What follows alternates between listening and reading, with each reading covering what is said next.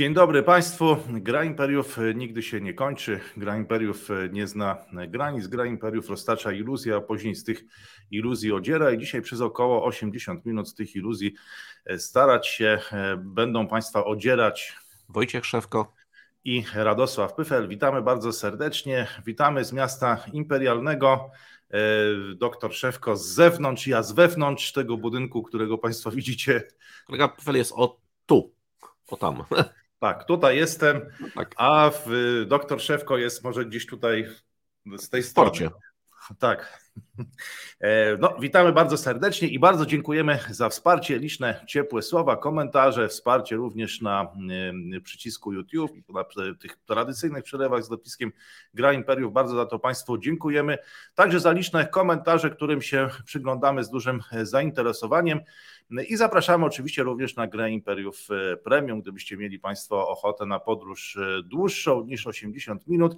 A gdzie dzisiaj w trakcie tych około 80 e, minut chciałby się Pan wybrać, które regiony świata i na co Pan zwrócił uwagę w światowej polityce w ostatnim tygodniu? No było chyba sporo takich istotnych wydarzeń.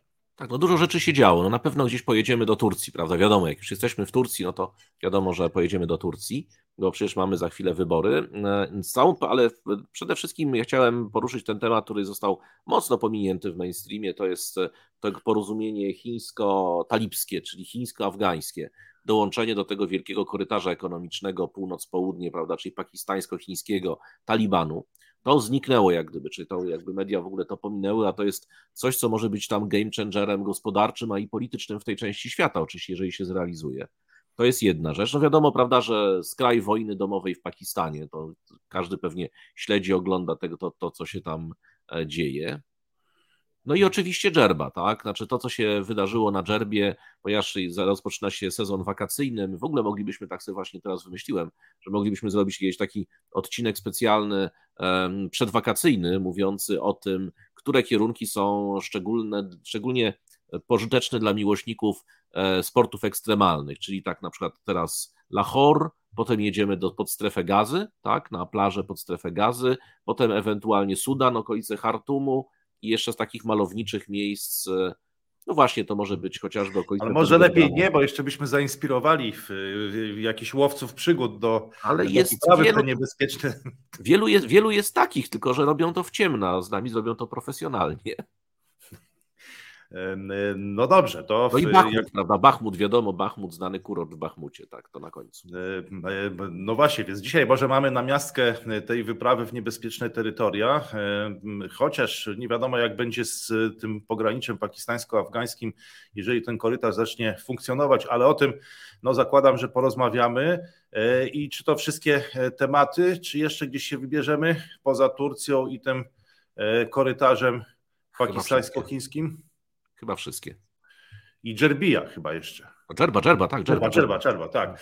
E, no właśnie, no ja tutaj akurat może nie będę zbyt oryginalny, bo chciałbym zaprosić e, w podróż może w bardziej przewidywalne regiony, a chyba za taki przynajmniej na razie uznaje się Europę i relacje europejsko-chińskie, w których dzieje się dużo ciekawego i nie tylko w kontekście pól bitewnych e, Ukrainy. Mamy Italię, która cztery lata temu jako, jako jedyny do tej pory wysoko uprzemysłowiony kraj G7 weszła do e, inicjatywy Pasa i Szlaku. Podpisano wówczas porozumienie, na mocy którego Italia stała się e, członkiem. Podpisano memorandum i stała się członkiem tej inicjatywy razem z 80 w tym momencie innymi krajami świata, ale jedynym z G7. No i teraz dużo mówi się o tym, że Italia z, te, z tego członkostwa zrezygnuje. Tutaj pewnie powiemy sporo o samym pasie o szlaku, samej koncepcji e, tego, jak poszczególne państwa europejskie i nie tylko e, pozycjonują się wokół tej inicjatywy. No i mamy bardzo ciekawe rozmowy niemiecko- chińskie, więc pan zaprasza w te niebezpieczne e, rejony. To jest turystyka survivalowa, ekstremalna. No a w, ja zapraszam do tych stołów negocjacyjnych, gdzie się toczą te subtelne E, rozmowy dyplomatyczne no już od też wielu, się, wielu miesięcy. Też się można zatruć sałatką. Też, też tak, może być to zajęcie niebezpieczne. Na razie nikomu jeszcze przynajmniej się nic nie stało. No ale w, nikomu chyba też nie stało się nic w Moskwie 9 maja. No to chyba jest temat, od którego powinniśmy zacząć. E, wydawało się, że to będzie wielkie wydarzenie i właściwie tak tydzień temu to chyba się wszyscy psychicznie na to nastawialiśmy. Sądzę, że i pan, i ja, i nasi widzowie, że jeżeli się spotkamy 11 maja, no to będziemy rozmawiać właśnie głównie o 9 maja, no tak na dobrą sprawę chyba mm, niewiele się tam wydarzyło takiego, e, co można by porównywać z tymi atrakcjami, które zapowiedzieliśmy już w pierwszej części naszej rozmowy. Tak. Rozumiem, że to jest komentarz do wydarzeń. Tak, no, tak. E, no tak, no ja zwróciłem, no oczywiście chyba wszyscy zwróciliśmy uwagę na ten jeden czołg, e, który przejechał. E, zwróciłem uwagę również na te osoby, które pojawiły się w sąsiedztwie Władimira Putina, bo to też no już jest, powiedziałbym, pewnego rodzaju tradycja, to się nazywało wcześniej kryminologią. To często jest także stosowane w przypadku analizy wydarzeń politycznych w Chinach, kto gdzie stoi na trybunie. To i tutaj obok Władimira Putina e, znaleźli się weterani, ale co ciekawe, nie uczestniczyli oni e, w ogóle w kampanii przeciw Niemcom, bo znalazł się 98-letni E, oficer, który tłumił wystąpienia na zachodniej Ukrainie, zdaje się w 1945 roku i tam zaprowadzał jakby e, władzę e, ludową. No i jeden z weteranów, który uczestniczył w praskiej wiosnie, na to zwróciłem uwagę. No, zapowiadana cały czas ofensywa ukraińska, która właściwie nie wiadomo jaką ma przybrać formułę. Już sam minister obrony Ukrainy mówił o tym, że te oczekiwania zostały nazbyt rozbudzone E, i że on teraz się obawia, że one nie zostaną zaspokojone. No ale powiem szczerze, że tak w takiej atmosferze e, no dosyć e, brakuje tutaj brakuje mi właściwego słowa, żeby to określić. No, powiedziałbym, że mocno zdystansowane odbyły się te obchody. Już mam wrażenie, że dużo więcej działo się w zeszłym roku. Więc nie wiem, jak to interpretować i co to zapowiada. Czy przedłużający się konflikt, E, raczej no, powiedział, zakończyłbym to pytaniem. Jestem ciekaw, jak będą wyglądać te obchody e, w przyszłym roku, bo że się odbędą, co, co do tego jestem pewien, to jest niezwykle istotna część znaczy, radzieckiego, rosyjskiego DNA. Czy pyta się pan, kto będzie defilował w Moskwie, tak? Która armia? E, no, albo kto będzie stał na trybunie na przykład, tak? Tutaj tak, to może być. To może być rzeczywiście, to może być rzeczywiście jakiś inny uczestnik. To rzeczywiście może tak się wydarzyć. Ja myślę, że to e, oczywiście Rosjanie jak zwykle mają swoje wytłumaczenia, ale no, po pierwsze ten samotny, ten Adinoki Biały Parus, prawda, ten samotny biały żagiel, ten samotny zielony czołg, który sobie przejechał, zresztą tam chyba dwa były w odwodzie, rozumiem, że jakby ten się zepsuł. E, no, można to interpretować na dwa sposoby. No, po pierwsze, e, jeden taki najbardziej prosty, to znaczy taki najmniej pokrętny jest taki, że Rosja przez całe swoje, swój okres istnienia państwa rosyjskiego, prawda, tego poradzieckiego państwa, o tak byśmy powiedzieli, próbowała budować sobie różne etosy. I te etosy pojawiały nam się w literaturze, w, w działaniach władz państwowych, czyli to była próba strojenia się w czyjeś piórka, tak? Próbowali. To tak jakbyśmy my mieli nagle e, naszych przedstawicieli władz, nagle, że któryś tam generał zamiast w własnym mundurze wyjdzie przebrany za husarza, potem spróbuje w mundurze księstwa warszawskiego, potem jeszcze w stroju woja piastowskiego, czyli tam próbowano budować jak gdyby taki zwornik tradycji e, rosyjskiej. Przypamiętajmy, że w Rosji żyją jednak setki narodów, e, czy narodowości, grup etnicznych i tak dalej, to tam idzie w tysiące. E, I no, trzeba znaleźć coś, co ich wspólnie będzie jednoczyło, prawda? Wbrew pozorom Związek Radziecki miał o tyle dobrze, ponieważ była jedna spajająca kraj ideologia. Potem mieliśmy martyr, potem mieliśmy propagandę sukcesu, prawda, socjalizmu, czyli od tego kamienia gładzonego, prawda, na początku Rosji radzieckiej aż do tam, prawda, wielk, hut, huty, wielki przemysł, potem mamy martyrologię wojny ojczyźnianej, wygraliśmy z Niemcami, prawda, jesteśmy najpotężniejsi, potem mieliśmy Sputnika i tak dalej, czyli mieliśmy cały czas budowanie czegoś, e, jakiejś idei narodu, pomimo tego, że tam tych narodów jest wiele i niewiele jest, powiedzmy, nie one niewiele mają ze sobą cech wspólnych, niektóre z nich były podbijane, znaczy one były podbijane i hołdowane, czyli kolonizowane w różnych okresach rozwoju prawda, państwa rosyjskiego. I jak się okazuje, wszystkie te poprzednie etosy zawiodły. Jedynym etosem, który pozostał, i to już jest tak bardzo wyraźnie, szczególnie w tej sytuacji wojennej, no to nie jest nawiązywanie do czasów, prawda, Piotra Wielkiego, jak tu próbował się kiedyś e, stroić te piórka, zdaje się, Władimir Putin, czy, e, czy w jakiekolwiek inne stroje jeszcze z okresu carskiego, a wręcz przeciwnie. Znaczy w tym społeczeństwie jedyne, co jeszcze działa, to jest ten etos radziecki. Nie mają z tym problem, no dlatego właśnie nie te dwugłowe orły, tylko zawsze są te czerwone gwiazdy gdzieś tam używane w symbolice. Żeby tego orła nie, nie, nie używać, ale czerwonej flagi też nie, no to jest tak wstążka, prawda, świętego Jerzego, ta pomarańczowo-czarna, która się wszędzie gdzieś pojawia, ale z tą gwiazdą. Proszę zobaczyć, że ta, ta symbolika jest bardzo, bardzo silnie, bardzo, bardzo silnie obecna.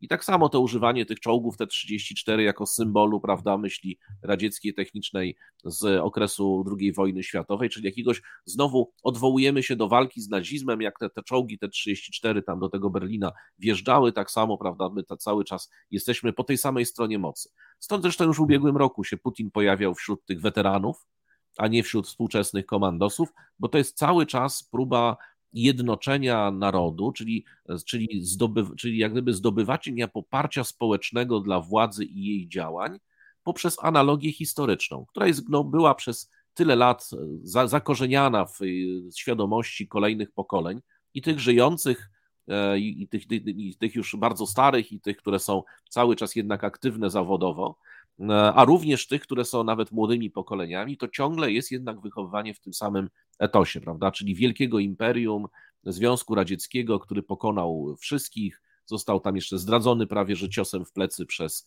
Gorbaczowa i rozpadł się tak, to by wygrał wiadomo wszystko. I to jest powrót do tego samego. No plus ta kwestia, no może są setki tysięcy ofiar, prawda? Być może, być może są jakieś ogromne niedostatki na rynku, no ale przypomnijmy sobie, jak to nasi dziadowie, prawda, tam, nie wiem, obierki jedli E, głodując w czasie wojny, prawda, i umierali milionami, a pomimo tego, prawda, szli na te karabiny maszynowe z jakimś tam kamieniem i dzidą. No więc to jest, to jest, to jest ten etos, w który cały czas ta władza próbuje się stroić, bo to jest dla niej jedyna szansa na przetrwanie.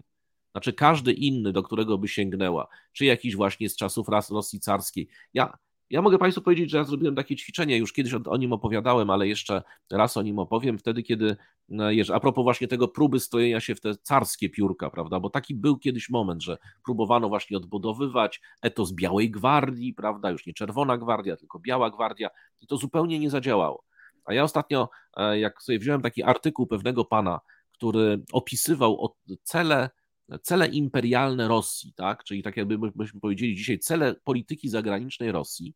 I tam można przeczytać właśnie, że jednym z podstawowych celów jest zajęcie e, zachodniej Ukrainy oraz Besarabii, prawda, e, po to, żeby raz na zawsze, po pierwsze, żeby raz na zawsze zlikwidować mrzonki Ukraińców o niepodległości i oczywiście jak gdyby wyjść na Bałkany, tak, to był podstawowy cel. Tylko, że i jakbyśmy to dzisiaj przeczytali, oczywiście wycięli te takie anachronizmy językowe, to już powiedzieli, dobra, no, no napisał to jakiś zwykły dziennikarz ze zwykłego, ze zwykłe, zwykłego, czy jakiś zwykły analityk wcale nic nadzwyczajnego nie powiedział, to widać gołym okiem, że Rosja to robi. No tak, tylko że to napisał w 1916 roku i nazywał się Lenin, prawda, bo on pisał właśnie o celach imperialnej Rosji, więc krótko mówiąc, ta imperialna Rosja tutaj nie zadziałała, tak? Więc ta, ten etos Związku Radzieckiego, od którego się zresztą Putin i putinowcy przecież mocno odcinali, no bo partia bolszewicka, prawda, partia komunistyczna była e, wrogiem przecież jednej Rosji, on nie wiem, czy tam w ogóle jeszcze istnieje, czy jakieś tam resztki funkcjonują, e, a teraz nagle ten etos jest potrzebny.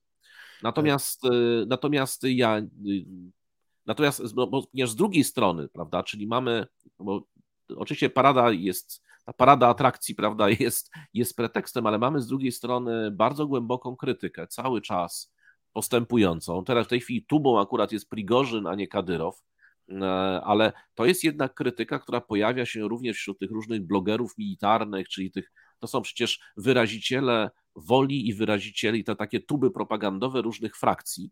I ta frakcja tak zwana wojenna, prawda, czyli ta, która oponuje przeciwko temu, co robi Kreml, jest bardzo silna. Bo gdyby nie była silna, to by Kreml to ignorował. Natomiast ona jest bardzo silna PR-owsko. Przypomnijmy, jak właśnie ten, wtedy, kiedy Prigorzin tam groził, że wojska Wagnera w ogóle wyjdą z tego Bachmutu, że się wycofają, gdzie są te tam, gdzie jest ta amunicja, to wtedy. Dostał, Symonian, chyba już dostał tą amunicję. No właśnie dostał amunicję, tak, no ale no dostał dlatego, bo sobie pokrzyczał i gdyby był i, i krzyczał we, we, właściwym tonie, tym bardziej, że tam się przyłączyli inni. No, Symonian powiedziała, że może nareszcie się teraz zacznie po tym ataku dronami, prawda, na, na Kreml. To jest taka frakcja wojenna, która uważa, że należy przestać się bawić w operację specjalną, zrobić normalną wojnę, powszechną mobilizację, prawda? Idzie tam te parę milionów ludzi na front, prawda? Któryś tam ostatni dojdzie do Berlina, krótko mówiąc. Więc chodzi, to jest to, ale to jest ich taki mit, który w tej chwili tworzą. No ale to też sugeruje, że jeżeli Władimir Putin się nie obroni przed tym, on się broni w ten sposób, że nakazuje wtedy publicznie generałom, teraz przecież, przecież po tym tekście Prigozina, nie wiem czy Państwo śledziliście to, to tam nagle zarządzono kontrolę w e, prezydent nakazał kontrolę ministrowi obrony, minister obrony nakazał kontrolę tam w południowym okręgu wojskowym, zachodnim okręgu wojskowym w sprawie aprowizacji, amunicji, prawda, i tam się, i to jak gdyby zostało rozdane, te karty zostały poniżej, no ale zrobiono to ze względu na to, że to jest znowu cios w kierownictwo państwa. I oczywiście i, i, i, te, i te przeglądy, prawda, te kontrole, no to jest próba znalezienia winnego tego, że biedni żołnierze na tym froncie nie dostają, nie dostają amunicji. Ale to sugeruje, że ta walka bulldogów pod dywanem jest e, bardzo zażarta. Proszę zobaczyć, że rosyjska ofensywa, e, bo o niej możemy przecież mówić, że ta ofensywa trwa, to są przecież te nowo zmobilizowane jednostki, nowi żołnierze, nowo rozkonserwowane e, czołgi, prawda, i artyleria no cała ta ofensywa wielka to jest zajęcie jednego miasteczka, tak naprawdę. Oczywiście kilku jeszcze w okolicach, ale to wiele więcej to nie zmienia. Gdyby w tym tempie zdobywany był teren dalej, no to możemy sobie obliczyć, że za kilkanaście lat, prawda, może, może doszliby do Lwowa, prawda, w ten sposób zdobywając teren przy sprzyjających okolicznościach, więc tutaj sukcesu na pewno nie ma. E, i sukcesem, i, i przecież e, rzekomo jest tak, że ja oczywiście mówię, nie jestem specjalistą od wojskowości, są specjaliści, niech się wypowiadają, ale rzekomo jest tak, że Rosja w tej chwili zgromadziła bardzo duże siły e, gdzieś tam na zapleczu całego tego teatru wojennego ukraińskiego i właśnie być może dlatego wszystkie czołgi rzeczywiście wyssało z systemu, więc zamiast na defiladę to oni czekają tam, bo oni czekają właśnie na tą ewentualną ofensywę ukraińską. Bo też zdają sobie sprawę, że jeżeli Ukraińcy rozpoczną tę ofensywę i w tej bitwie przegrają ją, no to wtedy rzeczywiście już nie będą zdolni do odbudowania sobie potencjału do kolejnych takich walk, prawda, czy kolejnej dużej bitwy. Zresztą ta ofensywa, moim zdaniem, znaczy mówię, ja się nie jestem specjalistą od, od spraw wojskowych, natomiast historię e, wojen znam całkiem dobrze i to dość szczegółowo. E, I przecież dla Rosji to byłoby idealnie, gdyby to się wszystko rozstrzygnęło w jednej bitwie bo oni są w stanie sobie jeszcze kolejną armię zmobilizować i wyposażyć, natomiast Ukraińcy, no nie wiadomo czy, bo przecież ta, ta armia już, która jest teraz tworzona, prawda, te, znaczy armia, no te, te, te ileś brygad, dziewięć bodajże, tak, e, to, jest, to, to, to są brygady, które są tworzone już na, na zachodnim sprzęcie. Powstaje pytanie, czy gdyby one rozpoczęły taką bitwę i przegrały, to czy Zachód jest w stanie w, i w jakim tempie wyposażyć na przykład kolejne 9 czy 10 wyszkolić. Przypuszczam, że to nie będzie, nie będzie jutro na pewno i nie będzie za miesiąc. Więc to jest taka... Aha. Tak, tak. Tak, tak, tak, nie, nie, okej. Okay. No już... proszę, proszę skończyć, to będę miał okazję się do tego odnieść. Skończyłem. E, no właśnie zwróciłem też uwagę na to, tak przysłuchując się Pana słowom, że ta e, parada upłynęła w takiej atmosferze trochę wyczekiwania, więc nie było to wielkie wydarzenie, nie było to wydarzenie szumne, związane z jakimiś wielkimi emocjami. E, no i rzeczywiście czekamy tutaj na jakieś ruchy na froncie. Tak się stało, nie wiadomo czy zamierzonym, czy jak to często się może i zdarza przy okazji tego typu imprez w Moskwie. Pewnego rodzaju niezamierzonym efektem jest to, że ten samotny czołg stał się takim symbolem tej parady w tym roku. No zobaczymy, jak będą wyglądać parady w kolejnych latach, bo na pewno się odbędą. Wspominał Pan o tym dziedzictwie Związku Radzieckiego. To było ciekawe wysłanie listów gratulacyjnych do wszystkich byłych republik radzieckich i e, do władz tych byłych republik, do tych państw, władz państwowych powstałych jakby z byłych republik radzieckich, ale do Gruzji i Mołdawii zdaje się nie wysłano do rządów, tylko do tych narodów. Nie mogłem się doszukać, czy wysłano do Ukraińców. Właśnie też byłem ciekaw, tak. czy do narodu ukraińskiego wysłano, bo no, no, z wiadomych powodów nie wysłano do e, rządu. E, no właśnie, więc było to wydarzenie, które odbyło się w atmosferze wyczekiwania, no i mnóstwo e, jakby symboliki wokół tego, nie tylko w samej Moskwie, bo również i u nas 9 maja zmieniliśmy nazwę Kaliningrad na Królewiec. Dzisiaj już prawidłowa nazwa w języku polskim to Królewiec od dwóch dni. E, niektórzy Właśnie śmieją czekam. się już tak utrzymując żartobliwą konwencję naszego, naszej rozmowy dzisiejszej, to, że może będzie Kralowiec, że się przyjmie w Polsce, to jest ta nazwa, którą zaproponowali Czesi. Tak, znakomita w ogóle. Ja, te, ja natomiast czekam, aż jeżeli już idźmy za ciosem, ja się stęskiłem za nazwą Inflanty, to po pierwsze. Inflanty, Kurlandia, Kurlandia. Żmudź, tak. E, no właśnie, ale tutaj nie wiadomo, czy nie protestowaliby z tego powodu Łotysze. No właśnie chciałem powiedzieć, że premier, premier Żmudzi przyjechał do Polski. To by dopiero było, tak. E, no właśnie, zobaczymy jak to się wszystko ułoży w XXI wieku, ale ta symbolika rzeczywiście się zmienia, czego przykładem jest właśnie Królewiec zamiast Kaliningradu, e, to jest już nowa nazwa, która obowiązuje od dwóch dni. W Kijowie z kolei mieliśmy święto Europy, czyli Ukraińcy już nie będą obchodzić wielkiego zwycięstwa Związku Radzieckiego E, nad Niemcami, tylko będzie to święto Europy. I także Annalena Baerbock e, na jednym z briefingów prasowych, chyba zdaje się przy okazji tych spotkań z chińskim ministrem spraw zagranicznych, no, powiedziała też coś, e, co no, też w jakiś tam sposób jest ciekawe, bo powiedziała, że Putin wykorzystuje to wielkie zwycięstwo nad nazizmem niemieckim, które jest obchodzone w całej Europie, on wykorzystuje to cynicznie do własnych celów.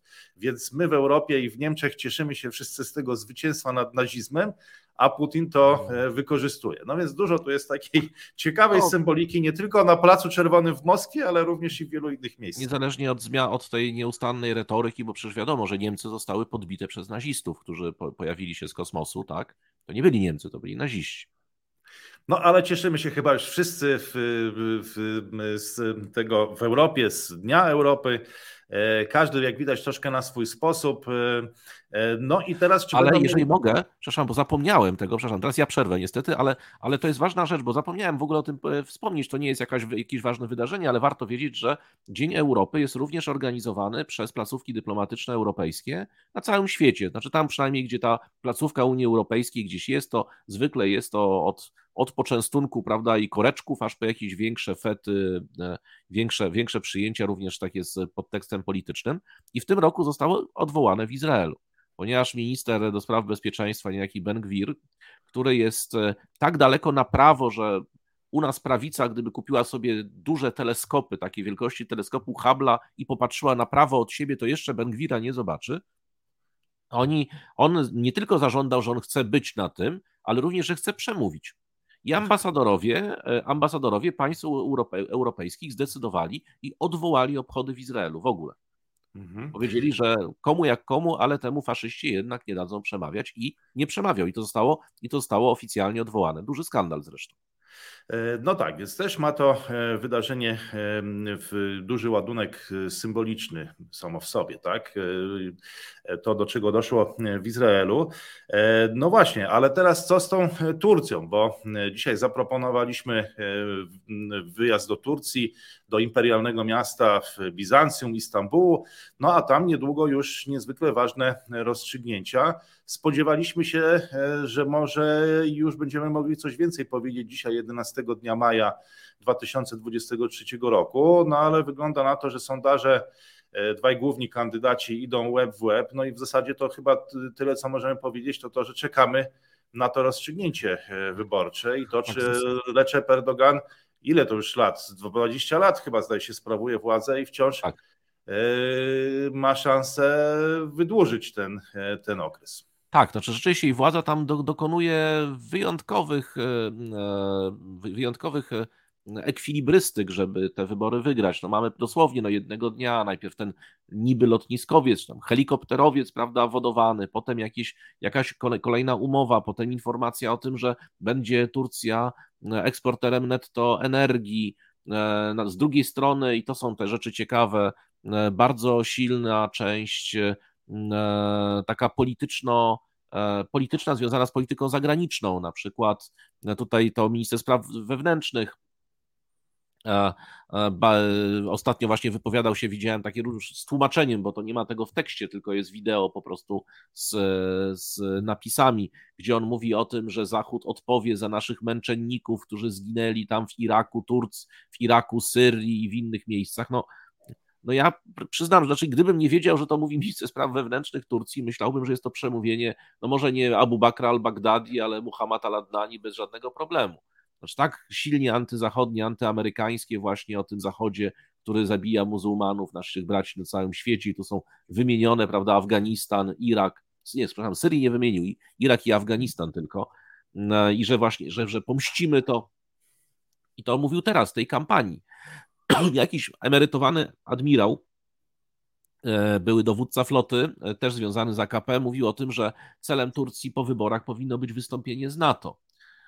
Więc e, to tego typu retoryka to jest próba, rozpaczliwa próba zdobycia tych, tego jednego, dwóch procentów głosów, które mogą zaważyć na tym, czy Erdoğan będzie dalej dalej będzie prezydentem. No dobrze, ale zadam, zadam może pytanie, które szybko może się zestarzeć, właściwie już może za 4 czy 5 dni ale jakby mógł Pan w kilku słowach powiedzieć, e, jak Pan sobie wyobraża Turcję po porażce Erdogana, gdyby do niej doszło, bo no, jednak rozmawiamy 11 maja i to wciąż e, e, nie jest pewne, czy, czy wygra. Jakby to w ogóle mogło wyglądać i o, czy to w ogóle jest pierwsza... możliwe, że on zostanie odsunięty od władzy po 20 latach, jeżeli coś pójdzie nie tak? Pierwsza rzecz jest taka, czy w ogóle po pierwsze jest rzecz taka, że może nie uznać wyniku wyborów i komisja wyborcza może uznać, że są wybory tak jak przecież robiono. W Stambule zrobiono taki numer, że w momencie, kiedy kandydat AKP przegrał, to po prostu uznano nieważność wyborów i jeszcze raz wybory. Więc już Kileć Darulu, którego ja akurat obserwuję jego wypowiedzi, e, bo one są też pewnym indykatorem tej walki politycznej, na którą trzeba byłoby śledzić uważnie, prawda, czyli wszystkie media. Oni się ustosunkowują do różnych pomysłów. On powiedział, że oni są gotowi jakby co na powtórzenie wyborów. To dla nich nie jest żaden problem, czyli już wiedzą, że taką rzecz, taka rzecz się może wydarzyć. To jest jedna rzecz. Druga rzecz to jest kwestia taka, czy on odda władzę dobrowolnie, czy też nie. E, no niestety, ale w przypadku takich różnych e, e, dyktatorów, to jednak to odspawanie się od tego stołka jest, potrafi, potrafi kończyć się, no może nie tragicznie, ale potrafi się kończyć spektakularnie. Więc my nie wiemy do końca, co się wydarzy. Znaczy, ja nie sądzę, żeby, żeby on był do tego stopnia silny i do tego stopnia popularny, żeby mógł sięgnąć, znaczy po prostu wprowadzić jakiś stan wyjątkowy, e, czy dokonać jakiegoś przewrotu, ale można się spodziewać, że tam nie będzie spokojnie. Że tam nie będzie spokojnie, a i nowy rząd też, gdyby powstał, nie będzie miał, i nowy prezydent nie będzie miał wcale łatwo, ponieważ no, jeżeli to jest taki głęboki podział społeczeństwa, on jest zresztą podziałem też geograficznym. Ta biedota z Anatolii ta islamska biedota z Anatolii, właśnie ci wyborcy Bractwa Muzułmańskiego, no oni kochają Erdogana. Oni go kochają za wizję imperialną, oni go kochają właśnie za to, że obiecuje, że to państwo nie będzie państwem świeckim, oni kochają go właśnie za tą Haję Sofię przekształconą w meczet, za te sny o potędze, za te właśnie prze, przeświadczenie o tym. To jest takie trochę, takie trochę rosyjskie. Znaczy, dlatego właśnie może Turcja z Rosją tak dobrze ze sobą walczyły i tak się dobrze rozumieją, bo to jest właśnie zaciskamy pasa, będziemy jeść trawę, obierki, prawda, ale jesteśmy wielkim mocarstwem, podbijamy kolejne ziemie, prawda, jak ten Sulejman wspaniały rzuca na kolana tych krzyżowców dookoła. Więc składamy nocne wizyty Grekom, albo przynajmniej je zapowiadamy. Tak. Tak, tak, dokładnie. Albo właśnie tak jak tą piosenkarkę ostatnio, którą oskarżono, to ona z, z, zażartowała ze szkoły, do której, proszę sobie wyobrazić, ze szkoły, do której e, chodziła rodzina Erdogana, i ona miała takiego swojego tam jakiegoś członka zespołu, którym powiedziała, czy on przypadkiem nie jest jakoś tam e, uszkodzony mentalnie, e, że, bo, bo skończył tą szkołę i dostała w związku z tym za obrazę uczuć religijnych. To znaczy uznano ją za, za osobę, która podżega do nienawiści rasowej, etnicznej, tam religijnej i tak dalej. Groziło jej 6 lat więzienia. W sumie dostała chyba 10 miesięcy. To i tak, to i tak dobrze i zdaje się, e, chyba nie pójdzie do więzienia fizycznie.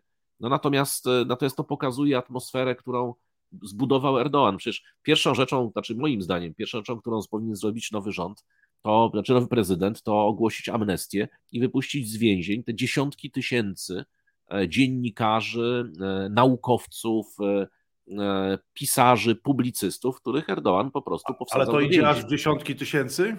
No tam chyba mówiono, że w sumie zwolniono z pracy to 50 czy 60 tysięcy. Ile spośród tych osób jakby skazano, bo tam dane były tylko dotyczące oskarżeń, ale to jest kilka, kilkanaście tysięcy na pewno siedzi po prostu.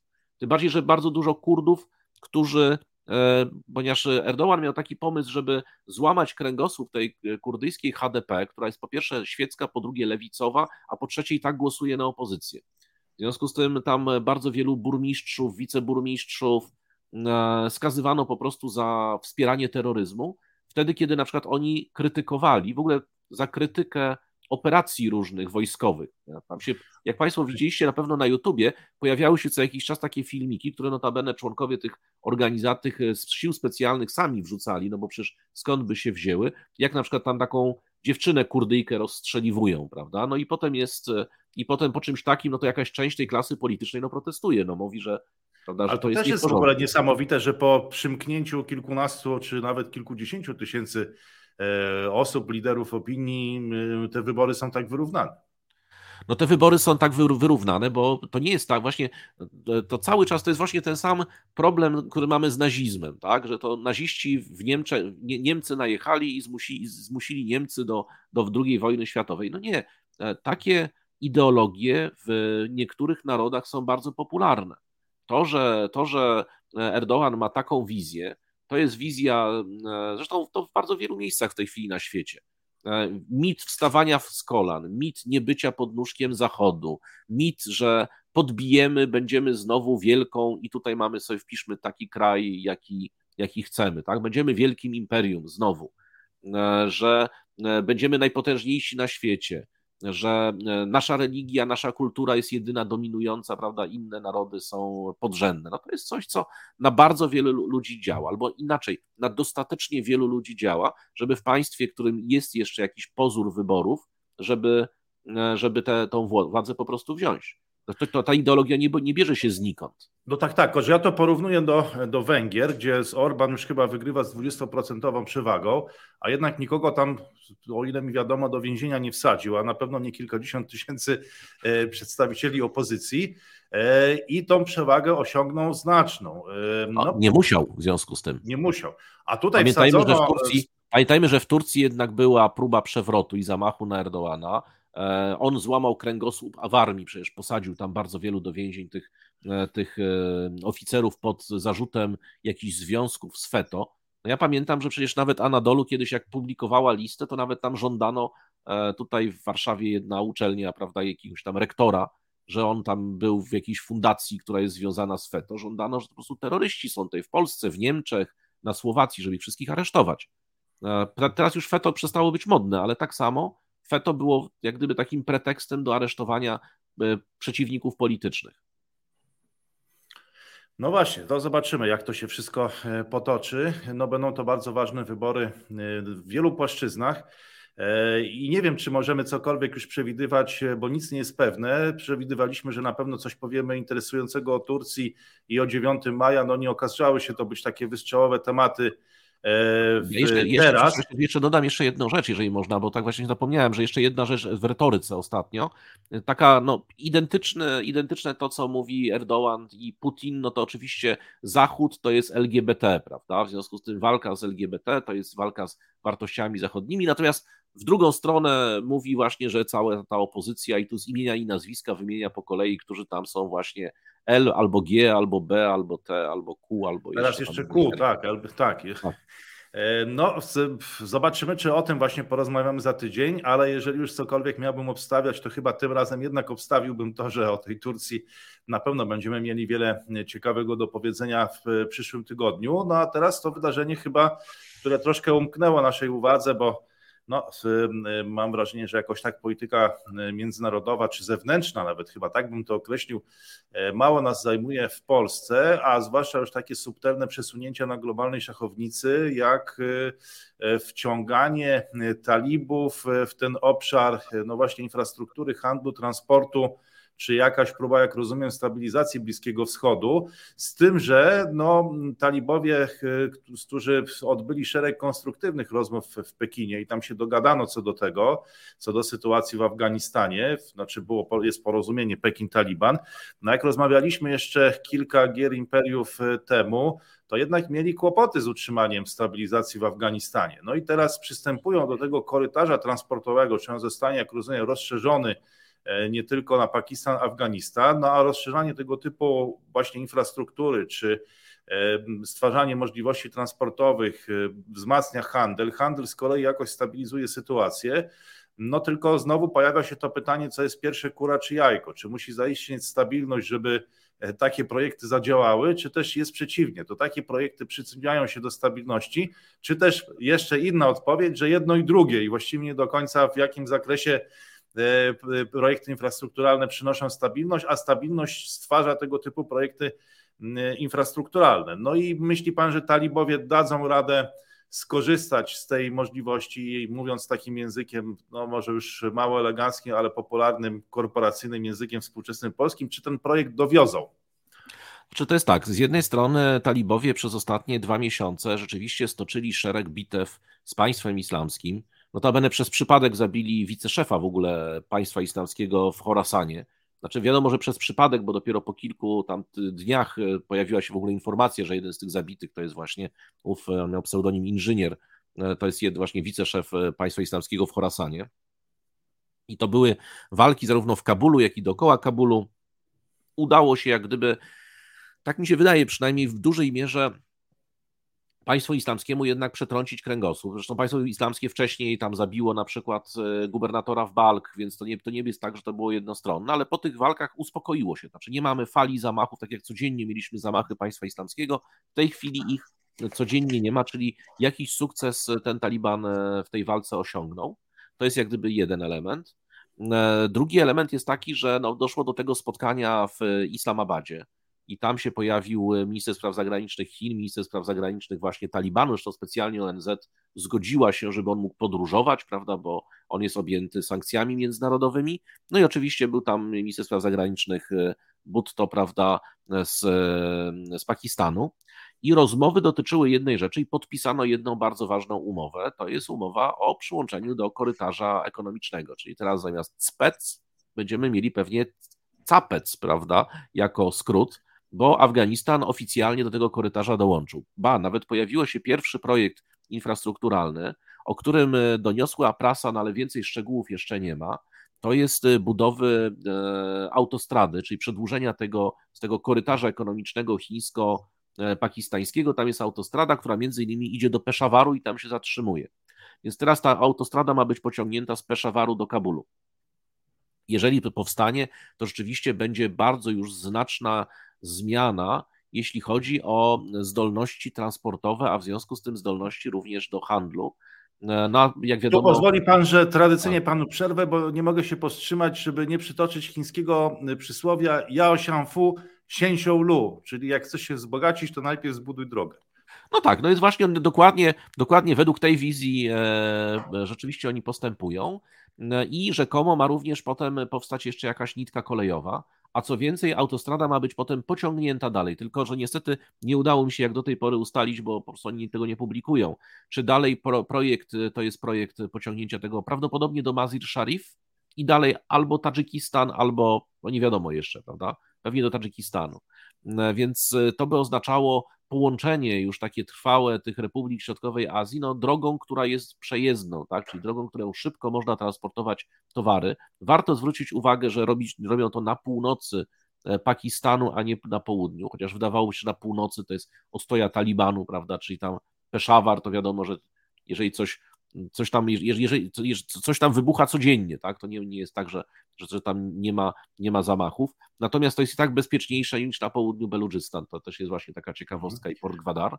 No, no ale to ja tak czy inaczej, to jest game changer, bo, bo za, zapowiedzieli również właśnie ci ministrowie spraw zagranicznych to, o czym mówiliśmy już w grze Imperiów parę razy, że Afganistan ze względu na swoje położenie geostrategiczne ma szansę zostać takim hubem transportowym dla centralnej Azji. Tym bardziej, że E, zarówno Pakistan, jak i Indie to są dwa państwa, które rozpaczliwie potrzebują no przede wszystkim surowców energetycznych, ale również generalnie różnego rodzaju surowców, które są w nadmiarze w centralnej Azji. Wbrew pozorom, z naszego punktu widzenia, prawda, czyli gdybyśmy powiedzieli, no dobrze, a co nas to Polaków obchodzi? No obchodzi nas to o tyle, ponieważ państwa centralnej Azji są e, schołdowane Federacji Rosyjskiej nie tylko ze względu na jakieś tradycje, tradycyjne więzi łączące je, bo te więzi przyjaźni są nieco takie jak między trochę Ukrainą a, a Rosją. No to są też przecież państwa, które zostały podbite, e, podbite, skolonizowane i wcale nie muszą być fanami Rosji. Natomiast to są państwa, które nie mają dostępu do morza, nie mają dostępu do rynków i bardzo trudno jest im w sposób jak gdyby niezależny od Rosji eksportować swoje towary. Natomiast popyt na te towary właśnie z centralnej Azji jest między innymi właśnie na południu od Afganistanu. E, I, e, I stworzenie takiego właśnie korytarza w ramach tego pasa i szlaku, zresztą tak samo ten, ten słynny e, rurociąg, który ma być budowany i jeszcze nie został zbudowany, właśnie te koleje, te wszystkie projekty utykały po pierwsze na braku pieniędzy, bo te wszystkie projekty zostawały na papierze, po drugie ze względu na destabilizację w Afganistanie one były zagrożone, no a po trzecie, no nie było tego właśnie inwestora, który by zapewnił i bezpieczeństwo fizyczne, i bezpieczeństwo ekonomiczne. I tutaj się właśnie pojawiają Chiny w tej części. Więc z tego e, punktu widzenia na pewno Rosja nie będzie z tego powodu zadowolona. Znaczy dla niej to będzie spory, spory cios, jeżeli tak się wydarzy, bo to powoduje e, jak gdyby, może nie będzie to automatyczne uniezależnienie polityczne, to nie jest aż taka, taki prosty mechanizm, ale znikną przesłanki wymuszonego wymuszonej przyjaźni z Federacją Rosyjską tych państw, ponieważ będą miały alternatywę po prostu gospodarczą, bardzo poważną. Czyli krótko mówiąc, dotarcie do rynku chińskiego, dotarcie do rynku pakistańskiego, wyjście przez port Gwadar, później jeszcze do innych krajów Azji, e, no to jest coś, co naprawdę zmienia też ich potencjalnie sytuację. Złoża, które nie są eksploatowane, mogą być eksploatowane na przykład. No tutaj rzeczywiście to, o czym Pan wspomniał, to niejako już się odbywa w Azji Centralnej. Troszeczkę taki system został stworzony, chociaż Rosji jest tam dawana twarz jako takiego e, no, wciąż protektora czy lidera. Rosja jest dosyć dowartościowana przez Chiny, ale faktycznie, jeżeli mówimy o tych relacjach i o tych e, no, przepływach, e, tej logistyce, transporcie, handlu, no to faktycznie e, Rosja może być zaniepokojona. My dzisiaj e, mówimy ze Stambułu, czy też z Bizancjum, no, z miasta imperialnego, ale myślę, że gdybyśmy przenieśli się do innej stolicy imperium, czyli do Waszyngtonu, no to tam zaniepokojenie może być jeszcze chyba większe niż w Moskwie, bo nie wiem, czy się pan zgodzi, ale chyba realizuje się jakiś strategiczny koszmar dla Stanów Zjednoczonych, gdyby ten plan zaczął wychodzić. No dlatego, że Amerykanie wycofali się z Afganistanu i jak rozumiem, mogli pokazać, że słuchajcie, no teraz to radźcie sobie sami, my próbowaliśmy i gdyby, e, gdyby talibowie zaczęli no, nie dawać rady, jakby utrzymywać e, stabilności w tym kraju, no to wtedy Amerykanie mieliby potężny argument w ręku, że dopóki byliśmy, to jeszcze ta sytuacja jako tako wyglądała, ale jak tylko opuściliśmy ten region, no to zobaczcie, co się stało. No a teraz, jeżeli Afganistan dołączy do e, China-Pakistan Economic Corridor, który za chwilę być może, jak pan powiedział, zamieni się w China-Afganistan-Pakistan Economic Corridor, no to realizuje się strategiczny koszmar z punktu widzenia Amerykanów, no bo oni wychodzą, jakieś tam doniesienia, nie wiem, ja też nie znam się na wojskowości, ale mówiąc o tym, że pozostało mnóstwo sprzętu wojskowego, jakieś jeepy, samochody jeszcze z kluczykami i z bronią, a tymczasem teraz okazuje się, że powstają autostrady, jakieś koleje do Kabulu i gorzej, jeszcze powiem gorzej, bo za chwilę jeszcze może być tak, że zostanie włączona w ten cały projekt Azja Centralna i być może nawet Iran. E, to też nie jest jakoś już chyba niemożliwe, no, zwłaszcza po tym, e, e, kiedy okazało się, że możliwy jest spokój z Arabią Saudyjską.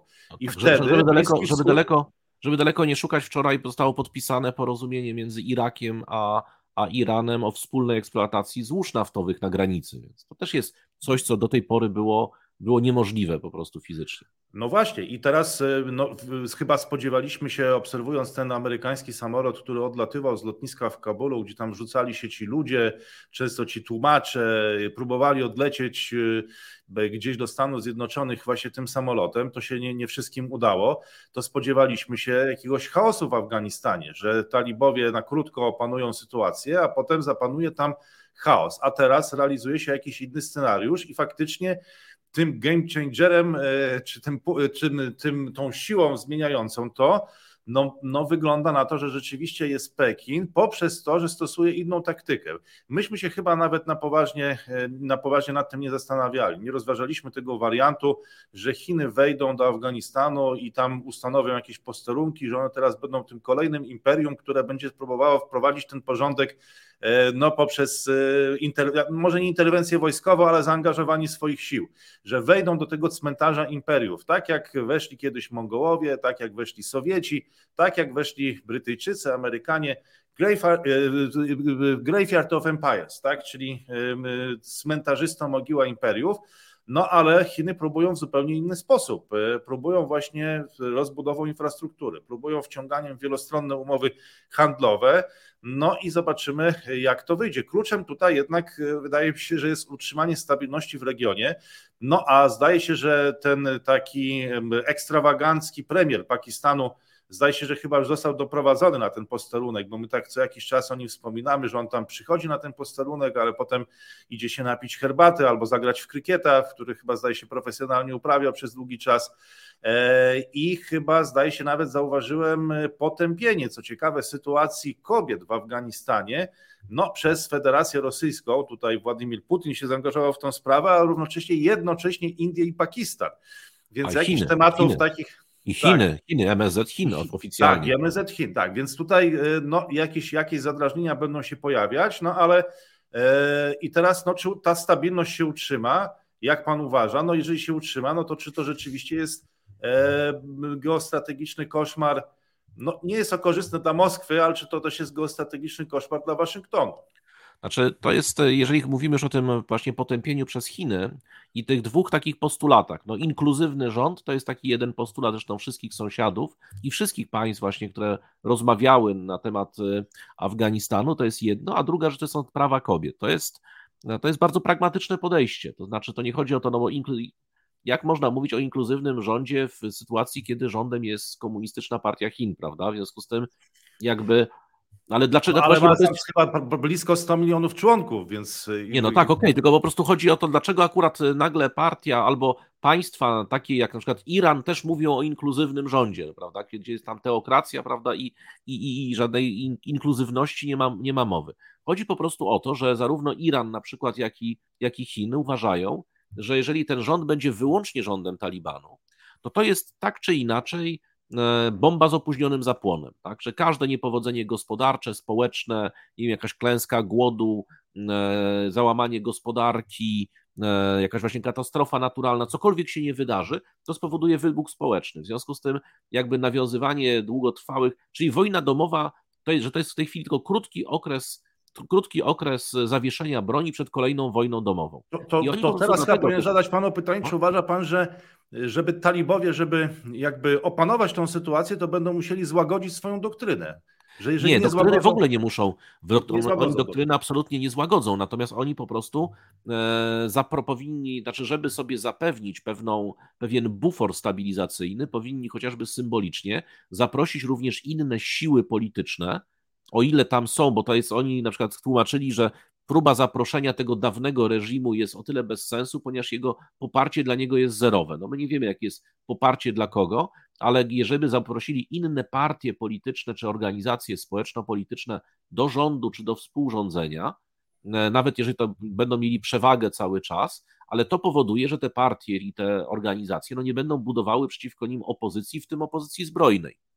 Więc dlatego też e, wszyscy inwestorzy no, są zainteresowani stabilnością, a stabilność oznacza właśnie no, inkluzywność. No ale to oczywiście w, pewnym, w pewnej konsekwencji może oznaczać również łagodzenie doktryny albo też pewne kompromisy, ponieważ im bardziej się Taliban będzie okopywał prawda, na tej swojej, tej swojej ortodoksji, która, no powiedzmy sobie szczerze, jest bardzo nieislamska. Znaczy, każdy, kto zna dobrze islam, wie o tym, no jeżeli nawet państwo islamskie mówi, że oni są nieislamscy, no to to i wszyscy, i Organizacja Państw Islamskich mówi, że są nieislamscy. To jest ich własna doktryna, prawda? To jest talibanizm. To, że oni mówią, że są Hanafi, to nieprawda. Oni są Hanafi Deobandi. Deobandyzm to jest sekta, prawda? I, i tak ją trzeba postrzegać. Jeżeli, jeżeli, jeżeli nawet Wahabici mówią, że oni są, że oni są nieislamscy, no to znaczy, że tam coś jest jednak nie w porządku z tym ich, z ich interpretacją islamu. A w związku z tym tak czy inaczej jest pewne, pewna przestrzeń do kompromisu, bo oni mogą pójść na kompromis teologiczny, czyli z tymi partiami, innymi partiami islamskimi, które tam są bądź powstaną i powiedzmy dogadać się w kwestii doktryna, doktryny teologicznej, a w związku z tym politycznej, ale to jest, to jest oboczna sprawa. Najważniejsze jest to, że z punktu widzenia stosunków międzynarodowych dla sąsiadów najważniejsze jest to, żeby nie było kolejnej wojny domowej za chwilę. Żeby jej nie było, trzeba no, stworzyć chociażby taki bufor w postaci włączenia innych sił politycznych do współrządzenia. Co po prostu wyciągnie, znaczy tak jakby z ulicy do parlamentu, tak, że to nie będzie na ulicach, nie będą rozstrzygane spory społeczne tylko w parlamencie, a ze względu na to, że jednak jest to kraj wyjątkowo biedny, że jest to kraj z rosnącymi i nierozwiązanymi problemami gospodarczymi, społecznymi i tak dalej, ambicjami różnych grup etnicznych, to tam tych, tych bomb z opóźnionym zapłonem jest bardzo dużo. I po prostu wszyscy chcą, że jeżeli mają wybuchać, to w gmachu parlamentu, czy jakiś majlis szury, a nie po prostu na ulicach znowu, bo dla inwestycji infrastrukturalnych, to już szczególnie jakichś gazociągów, rurociągów, kolei, no to to jest zabójcze. No przecież wiadomo, że to będzie pierwszy, pierwszy cel takich e, ataków, to będzie rozkręcanie szyn na przykład takiej kolei i zablokowanie tego handlu, który miałby powstać. Tym bardziej trzeba też pamiętać, że no są państwa, które nie są zainteresowane tym, żeby ten Afganistan miał sukces. No, mamy oczywiście Stany Zjednoczone, znaczy Afganistan talibów oczywiście. Mamy też Rosję, Rosji też to będzie przeszkadzało, bo no to Indią będzie. Chyba też. Indią też. Tak, więc, więc oni też nie będą zachwyceni tym, że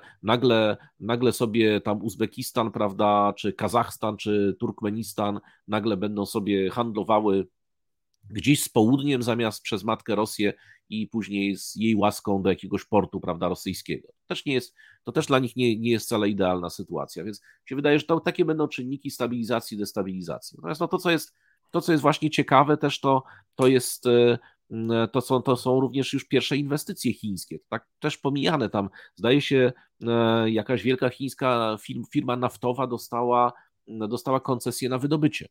I generalnie, ponieważ no, Afganistan jest potencjalnie takim kopalnianym Eldorado, tam rzeczywiście jest wszystko. Znaczy, cała tablica Mendelejewa gdzieś tam pod tą, pod tą, pod tą glebą jest. Część jest już znana tych złóż, część jest dopiero opracowywana. Tam są na przykład, no ja wiem, że na, akurat, ponieważ ja byłem akurat na granicy e, z Pakistanem, są kopalnie złota i to tak jest podobno z bardzo dużymi zasobami. Nikt ich nie eksploruje, bo wiadomo, kwestie bezpieczeństwa są nierozwiązane, no ale na przykład są. Tam się wydobywa też kamienie szlachetne. No, to, są, to jest pogórze Himalajów też, więc, więc mamy wszystko, co się da.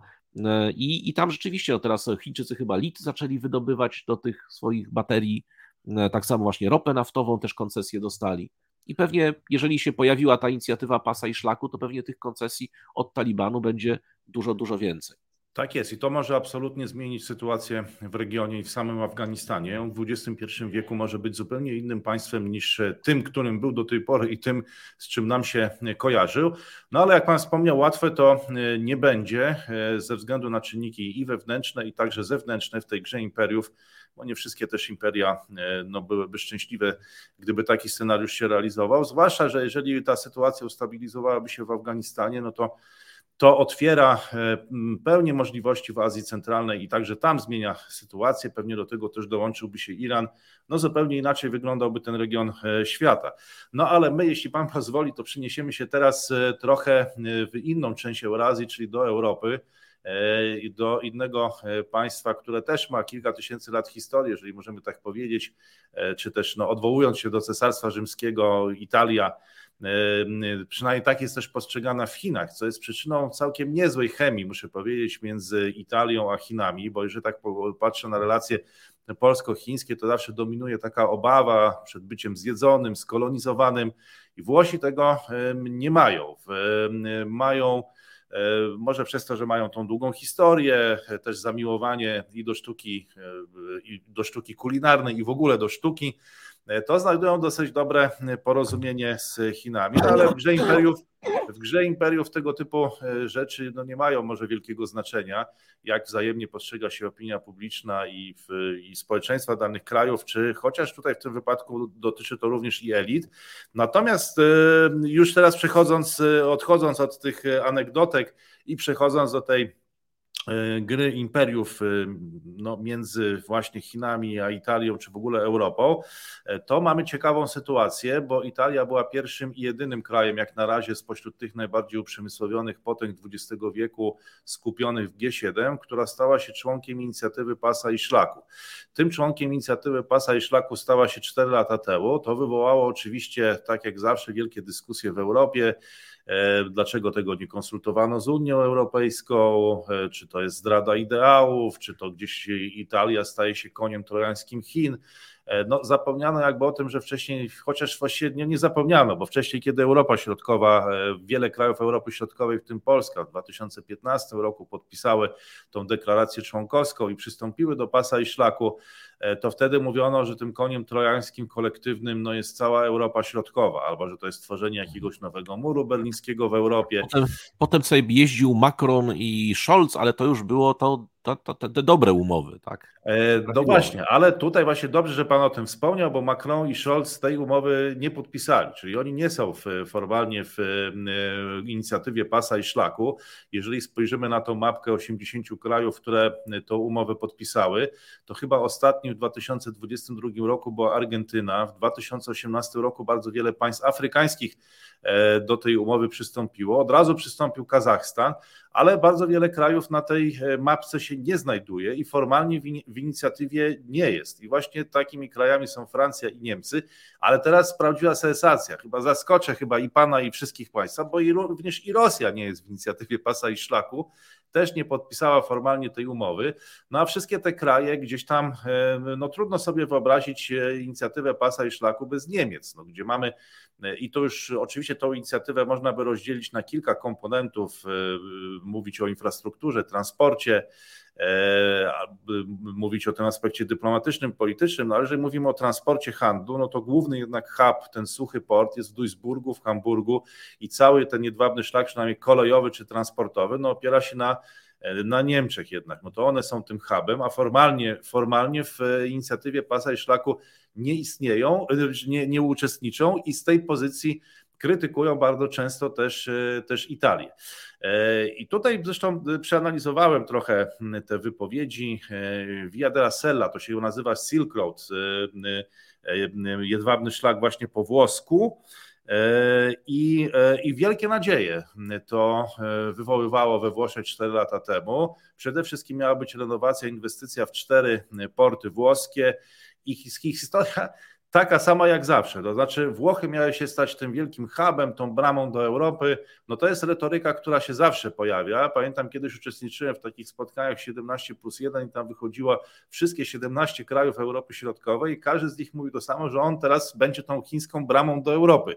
Tak. E, I to samo e, obiecywali sobie Włosi. No ale teraz e, pre, pani premier Giorgia Meloni no powiedziała, że ta umowa mija w 2024 roku i że oni prawdopodobnie e, tą umowę wypowiedzą, bo nie widzą tutaj jakichś konkretów wielkich, że niewiele z tego wynika. E, no ja bym powiedział, że sama natura tego projektu jest taka, że on nie jest konkretny, on konkretnie nie określa tego, co zostanie zrobione. To jest bardziej taka intencja, a zwłaszcza, że mamy te kraje, które są poza inicjatywą formalnie, a tak naprawdę są dla tej inicjatywy bardzo istotne i wiele nam projektów w ramach właśnie tych delegacji czy tych rozmów biznesowych. Wiele takich rzeczy się dzieje, a formalnie no, one nie dzieją się w ramach projektu Pasa i Szlaku. E, no i to jest bardzo ciekawe, także no, w rozmowach tutaj z Kevinem McCarthy, speakerem Izby Reprezentantów Stanów Zjednoczonych, Georgia Meloni też o tym wspomniała, co byłoby bardzo, no właśnie, tutaj są dwie możliwości, znaczy jeżeli Włosi opuściliby znaczy tak, pierwsza możliwość jest taka, że Chińczycy musieliby w jakiś sposób zareagować, żeby skłonić Włochów do utrzymania jakby swojego zaangażowania w tej inicjatywie, no ale pytanie, co mogliby zaproponować? Wtedy odeszliby od tej polityki no wtedy prawdopodobnie pojawiłyby się kolejne państwa, które zaczęłyby żądać konkretów w ramach pasa i szlaku, więc trudno to sobie wyobrazić. A druga sprawa, jeżeli Włosi jednak wyjdą formalnie z tej inicjatywy, no to wtedy spodziewam się takiej dosyć mocnej kampanii medialnej, że z tej współpracy z Chinami niewiele wynika. No i ciekaw jestem, jak to się odbije na decyzjach innych krajów. no nie wiem, czy także naszego, czy wiele krajów Europy Środkowej, na przykład Czechy, czy wtedy też nie wyjdą z inicjatywy pasa i szlaku. No to są myślę, że, że, że tutaj ciekawe, ciekawe pytania, które, które, się, które się pojawiają. To wszystko zbiega się też z wizytą, z wizytą E, chińskiego szefa dyplomacji w Berlinie. Trzy tygodnie temu Annalena Baerbock była w Pekinie, teraz on jest w Berlinie. E, no i takie w zasadzie dyskusje, jakich moglibyśmy się spodziewać. No, przerzucanie się oświadczeniami głównie w sprawie e, Ukrainy i Niemcy, które naciskają coraz bardziej na to, aby Chiny się zaangażowały i jako stały członek Rady Bezpieczeństwa ONZ rozwiązały ten problem, a zdaniem Berlina i Annaleny Baerbock mogą go rozwiązać, jeżeli będą tylko chciały. Z kolei Qin no, odpowiedział, że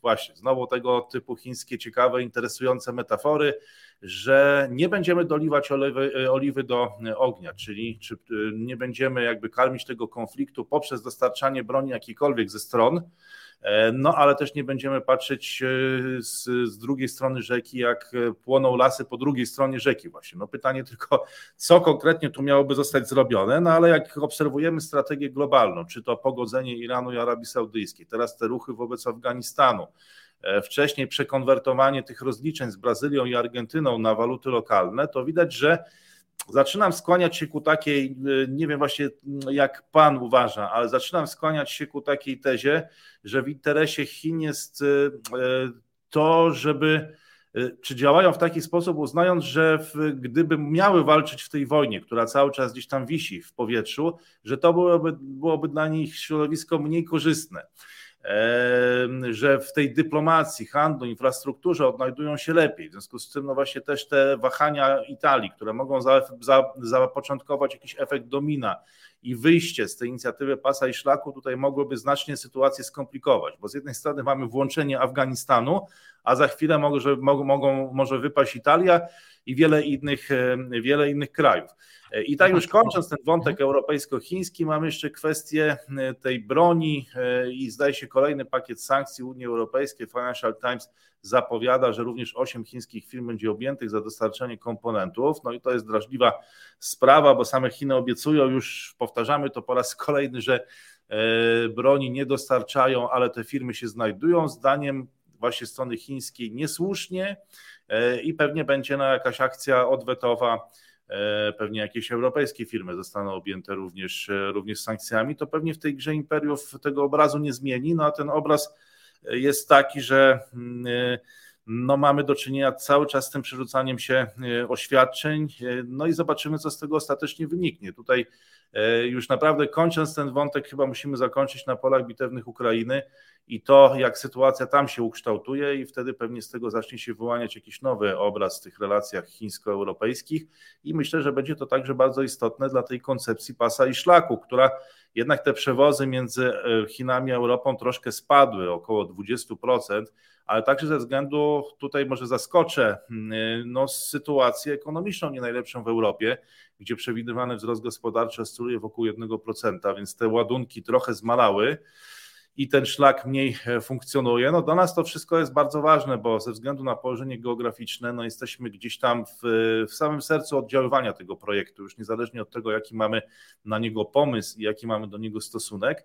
E, więc ta rozgrywka tutaj tych imperiów e, Unii Europejskiej, Niemiec, trochę właśnie Italii jako tego kraju członkowskiego G7 i Chin, no będzie, będzie tutaj niezwykle, niezwykle istotna.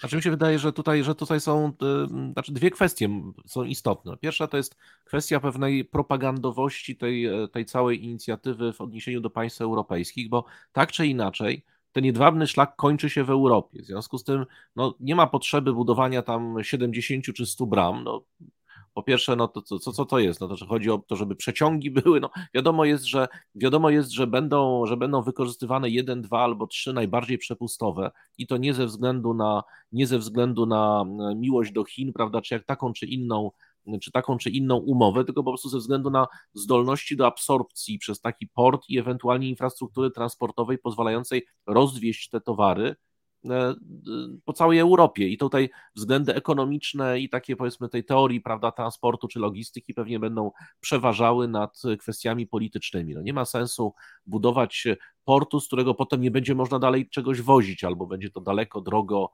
skomplikowanie i tak dalej. To, to jest pierwsza sprawa. Druga, jeśli chodzi o kwestię relacji z Chinami, no to, jest, to są bardzo wyraźne w tej chwili e, zalecenia i stanowisko Rady Europejskiej, to było ostatnio w Parlamencie Europejskim zresztą dyskutowane. I tam jest kwestia e, bardzo wyraźnie podniesiona wzajemności, wzajemności w dostępności do rynku, ponieważ Chiny przez swoją inicjatywę tutaj, przez te wszystkie, te wszystkie elementy e, powiedzmy polityczno-symboliczne próbują jakby w jakiś sposób, nie wiem, czy trudno powiedzieć, że omotać, bo to byłoby nie, niedobre słowo, ale w jakiś sposób zjednać sobie kraje europejskie, żeby. Przeciągnąć na, może, przeciągnąć. Godziły się na jak gdyby na dostęp do rynku europejskiego, czyli otwieranie tego rynku. Natomiast tu nie ma, znaczy ten, tak jakby ten jedwabny szlak miał jechać tylko w jedną stronę, tak? Droga jednokierunkowa. Natomiast Unia Europejska uważa, i to jest właśnie to, co jest, to, co jest istotnego, i tutaj mówi naprawdę jednym głosem. Ja też oglądałem tą debatę w Parlamencie Europejskim, to tam też nie było specjalnie za dużych różnic. Znaczy były to oczywiście, ekstremiści są wszędzie, ale ja mówię o takim mainstreamie.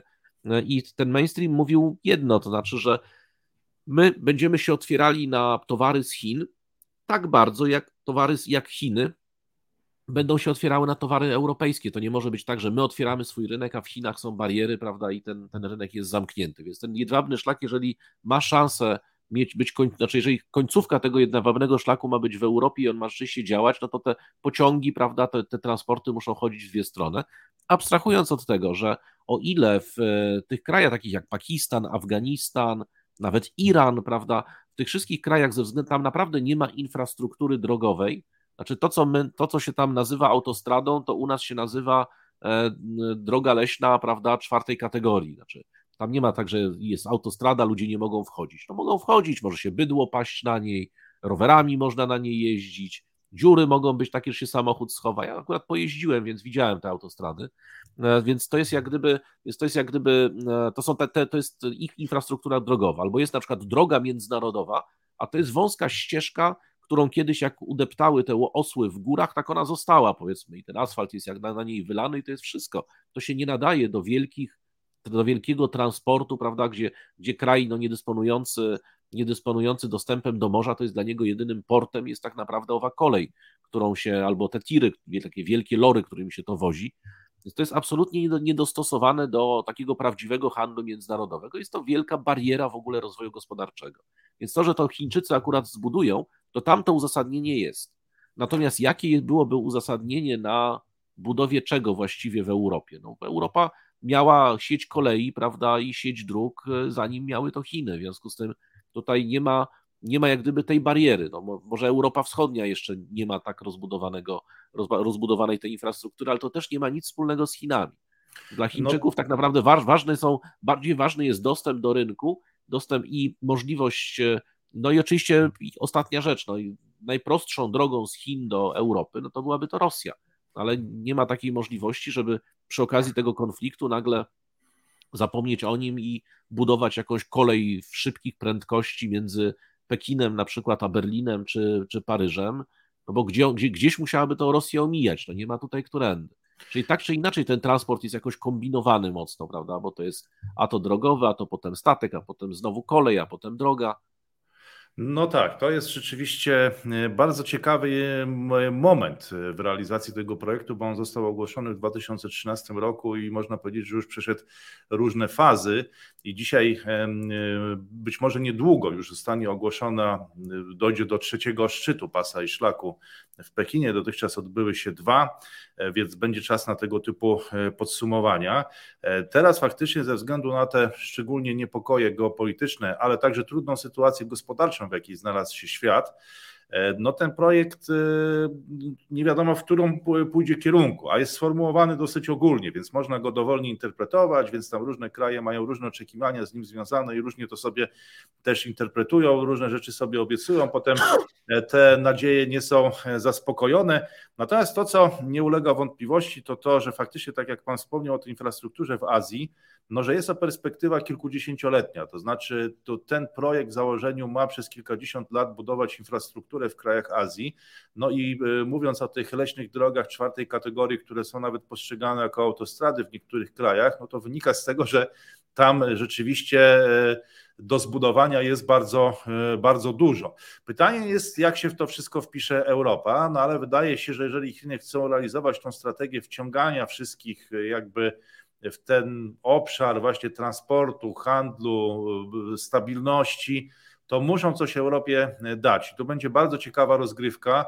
Myślę, że nieraz będziemy mieli okazję to skomentować, bo być może mogą w Pekinie liczyć na to, że Europa będzie odczuwać skutki no jednak e, tej, e, tej wojny i wtedy będzie słabszym partnerem do rozmowy, będzie bardziej ulegać jednak, e, ale też z drugiej strony nie można tej Europy wypuścić całkowicie i Chiny muszą coś tutaj zaoferować. Znaczy faktycznie no nie może być to jeden, ten jedwabny szlak jednokierunkowy, więc nie mogą za bardzo wygrać, e, bo im bardziej, jeżeli za bardzo wygrają w tej wojnie handlowej, w tej konkurencyjności takiej produktowej, bo tu mamy tą formułę w Unii Europejskiej, że Chiny to jest strategiczny, e, że konkurujemy, współpracujemy i rywalizujemy. Zdaje się to chyba tak e, wygląda.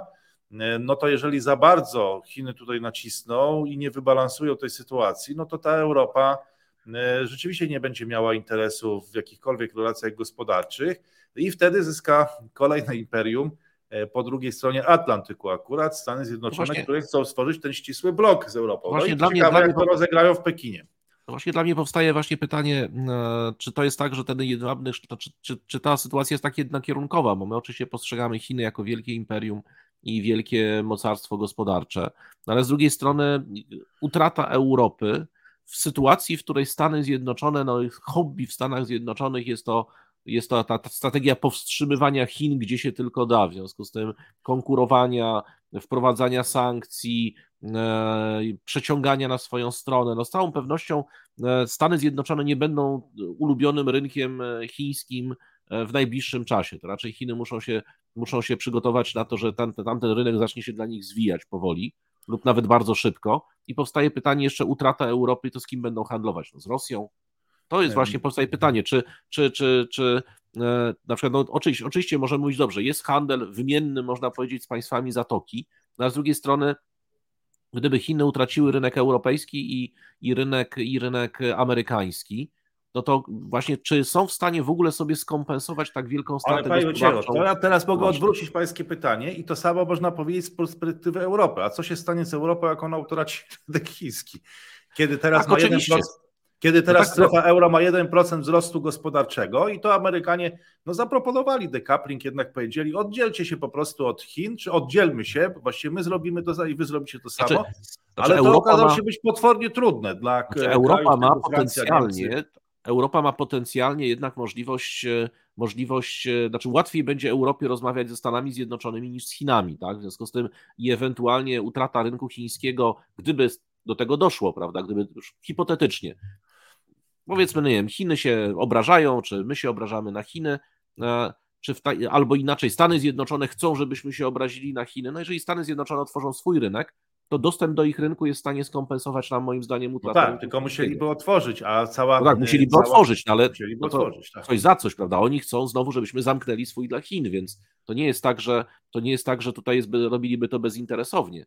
Bo dla nich no, Europa doszło, nie jest... do, doszło do tej słynnej dysputy i tu już Emmanuela Macrona i Ursuli von der Leyen, e, no, którzy Mm, kierowali dużo cierpkich słów także pod adresem Stanów Zjednoczonych w kwestii dofinansowania tych ich przedsiębiorstw no tak, IRA, tego, technologii tego nowej zielonej energii, tak, więc tego aktu IRA, tyle tylko, że proszę zobaczyć, tak, że tak, tak naprawdę tak, tak, tak, dla mhm. Stanów Zjednoczonych strategicznie e, Chiny są e, wrogiem, już nawet nie rywalem, a Europa jest powiedzmy e, trochę rywalem, ale tak naprawdę taką trochę kolonią amerykańską. Tak? Oni już nie, nie postrzegają nas, znaczy Europy jako zagrożenia na pewno dla siebie, ani, ani dla swojej pozycji jest łatwiej znaczy, łatwiej jest im przełknąć e, pigułkę pod tytułem otwieramy się bardziej na rynek europejski, bo i tak Europa jest mocno uzależniona politycznie od Stanów Zjednoczonych, więc tutaj nic nie przegrywamy. Znaczy, na pewno, gdyby mieli wybierać między Chinami, aliansem z Chinami i Europą, no to jest to dla nich,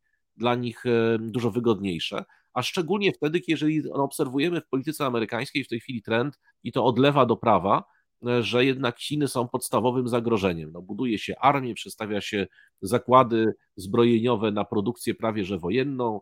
E, analitycy amerykańscy tam analizują, ile to kto straci lotniskowców, jak ta wojna o Tajwan już wybuchnie.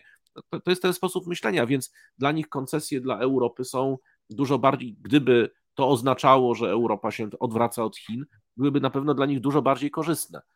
No właśnie, to problem polega na tym, że, że Europa chce jednocześnie rywalizować, chce jednocześnie konkurować i chce jednocześnie współpracować. Mamy taką e, pojemną formułę i w sumie to e, Pekinowi odpowiada i myślę, że będzie chciał utrzymać e, taką formułę, czyli takiej Europy letniej, tak, niezaangażowanej Dopóki nie będzie dekaplingu, e, to myślę, że z punktu widzenia Pekinu e, będzie ok.